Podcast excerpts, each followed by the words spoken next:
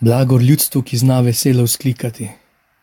Gospod, svetlobi tvojega obličja bodo hodili, vse dan se bodo radovali nad tvojim imenom, veselili se bodo zaradi tvojega odrešenja. Glas pastirja. Uživi, lepo zdrav, 13. nedelja med letom. Kaj se je zgodilo v tem tednu? Ne samo dogodki ali dejavnosti, srečanje, novice, recimo eh, obletnice mašniških posvečen, dobili smo nove novomašnike. A ostaje kaj od pretekle nedelje? To, recimo, da so nam še lase na glavi vsi prešteti, da se nič ne zgodi mimo božjega vedenja in da so naši dnevi poligon življenja božje volje. Kaj se je dogajalo? Kje sta se tvoja volja in gospodova volja prepletali? Bili podkrepljeni s tvojim zaupanjem, upanjem, vero, ljubeznijo. Po počitnicah bodo učiteljice svoje učence na začetku spraševali, kje ste bili, kaj ste doživeli, imate kakšno novo spoznanje, novo izkušnjo. Ko pomislim na ta teden, sem krepil zaupanje v Gospoda. On mi je rekel: Zaupaj, ne boj se, trikrat mi je to rekel prejšnjo nedeljo. Nevarno je, da si rečem: ta teden je bolj počitniški teden. Z gospodom sva na dopustu, sva si dala prosto. Zato, ker ta teden se ponavadi raztegne v mesec, mesec v leto in hitro pride do daljšega obdobja. Navadim se na življenje v izolaciji. Živim korona obdobje, gospoda ne obiskujem in ne nadlegujem. In obdobje postane moje življenje. Ne pozabi, začelo se s preprostim tednom ko se začne s prvo prevoženo rdečo lučjo, ali pa se začne s prvo kletvico, prvo prevaro, prvo lažjo. In ni potrebno, da je tako. Kakšen je svet brez pravil? Kakšen je svet brez veselja, kakšen je svet brez dobrote, brez ljubezni? In če svetu damo pravila, dobra, in se jih popolnoma držimo, in da v svetu zavlada dobrota in ljubezen in veselje, nas še vedno čaka slovo, smrt. To je bila božja beseda prejšnje nedelje. Nič nismo krivi, to da umrli bomo. Zato pa takšen je svet brez Boga. Moje življenje je brez Boga. Tudi če sem obdan z veseljem in zadovoljstvom, bom jaz in moji ostali brez življenja. Tu pa nastopi današnja božja beseda. Pravi Pavel, s Kristusom smo krščeni v njegovo smrt, pokopani z njim v njegovo smrt, da bomo z njim tudi živeli. To je tudi stavek, ki ga izrekamo ob krščevanju otrok, na nek način kruto. S Kristusom si pokopan smrt. Lahko pa omaknemo Kristusa, izbrišemo ga iz vsakdana, torej brez Kristusa. Ga ni ne v javnosti, ga ni ne v našem vsakdanu, morda ob kakih obletnicah, kulturnih krščanskih proslavah, kot so večinoma postali krsti, birme in lepe nedelje ni kaj dosti Kristusa tam, ga torej umaknemo. To leto je prišel eden od očetov, ne bomo več pisali otroka k veruku, želimo, da govorite o Jezusovem trpljenju in sploh ne o smrti. No, torej, ne rečemo pokopan si s Kristusom smrt, ampak pokopan si sam. Tu bomo mi, vse bomo naredili zate. Starši, sorodniki, zdravniki, šola, služba, Ne potrebujemo Kristusa, dejansko ga ne potrebujemo. Vedno bo kdo ob tebi, vedno boš zavarovan.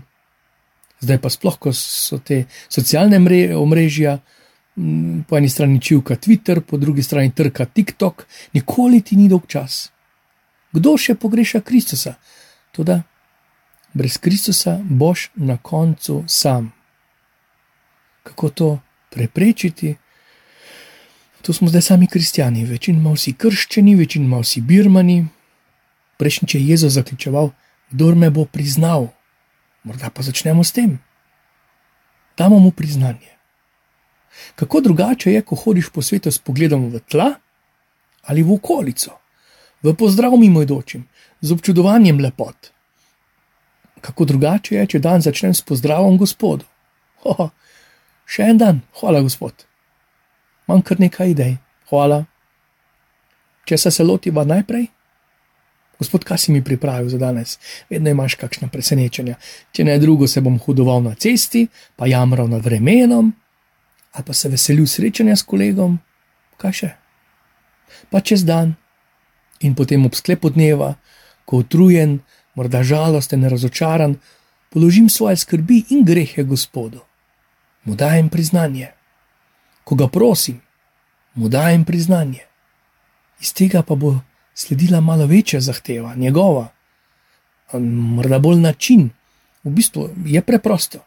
Samo pravi vrstni red moramo postaviti, kot pri kuhanju, kot pri zdravljenju, kot pri pripravljanju vrta. Bog na prvem mestu. Nekako se zdi, da pa tu ni kompromisa.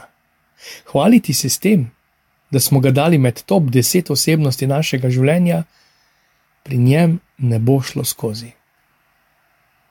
Poglejmo malo drugače. Morda pa ne toliko skozi to perspektivo odrekanja, kar križ sam po sebi je, je pa tudi izraz naše ljubezni. Žrtev je odrekanje, pa je tudi ljubezen. Zgodbica pripoveduje, ko je brat nosil svojega mlajšega brata, ker je bil ta že zelo zaspan in utrujen.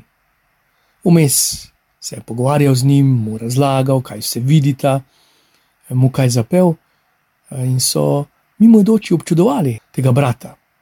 Nekdo ga je nagovoril, res lepo od tebe, gotovo je to breme za te težko.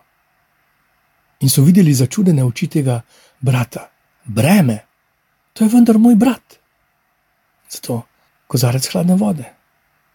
Smo slišali, prijazna beseda, recimo v delavnici, kjer vsi preklinjajo, tam je ena prijetna šala, v čakalnici, ko vsi tarna in obrekujejo, prijetna, spodbudna beseda. V množici, ko vsi hitijo mimo, prijazna gesta. V tem času, ko se nam tako mudi in spet zamujamo, ne spet, kako je bilo v šoli, ampak kako si. Bi sladoled. In ko se že kar sliši odgovor otroka, fajn, eh, ne hvala, grem v svojo sobo, raje, mama, kak si pa ti, ti lahko kako pomagam. Zakaj ne bi drug drugega presenečali z dobroto? Zakaj ne bi prehitevali s prijaznostjo, s humorjem, ne z sladnimi vici, ampak z eno radostjo, veseljem? Kdor da piti samo kozarec hladne vode enemu izmed teh malih, ker je moj učenec, resnično povem vam, ne bo izgubil svojega plačila. Za Boga ni nič premajhno, kar je iz ljubezni kozarec hladne vode, pomoč v kuhinji, tolažba v žalosti, prijazna beseda trgovki, potrpežljivost v prometu, dober nasvet vnuku. Nič ni premajhno v ljubezni. Kozarec vode je lahko nič, nič omembe vrednega, lahko pa je vse.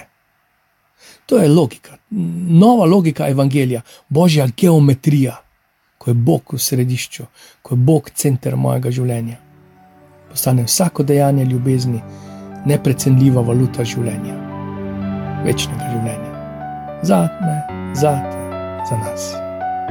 Vse dobro, Bog te živi.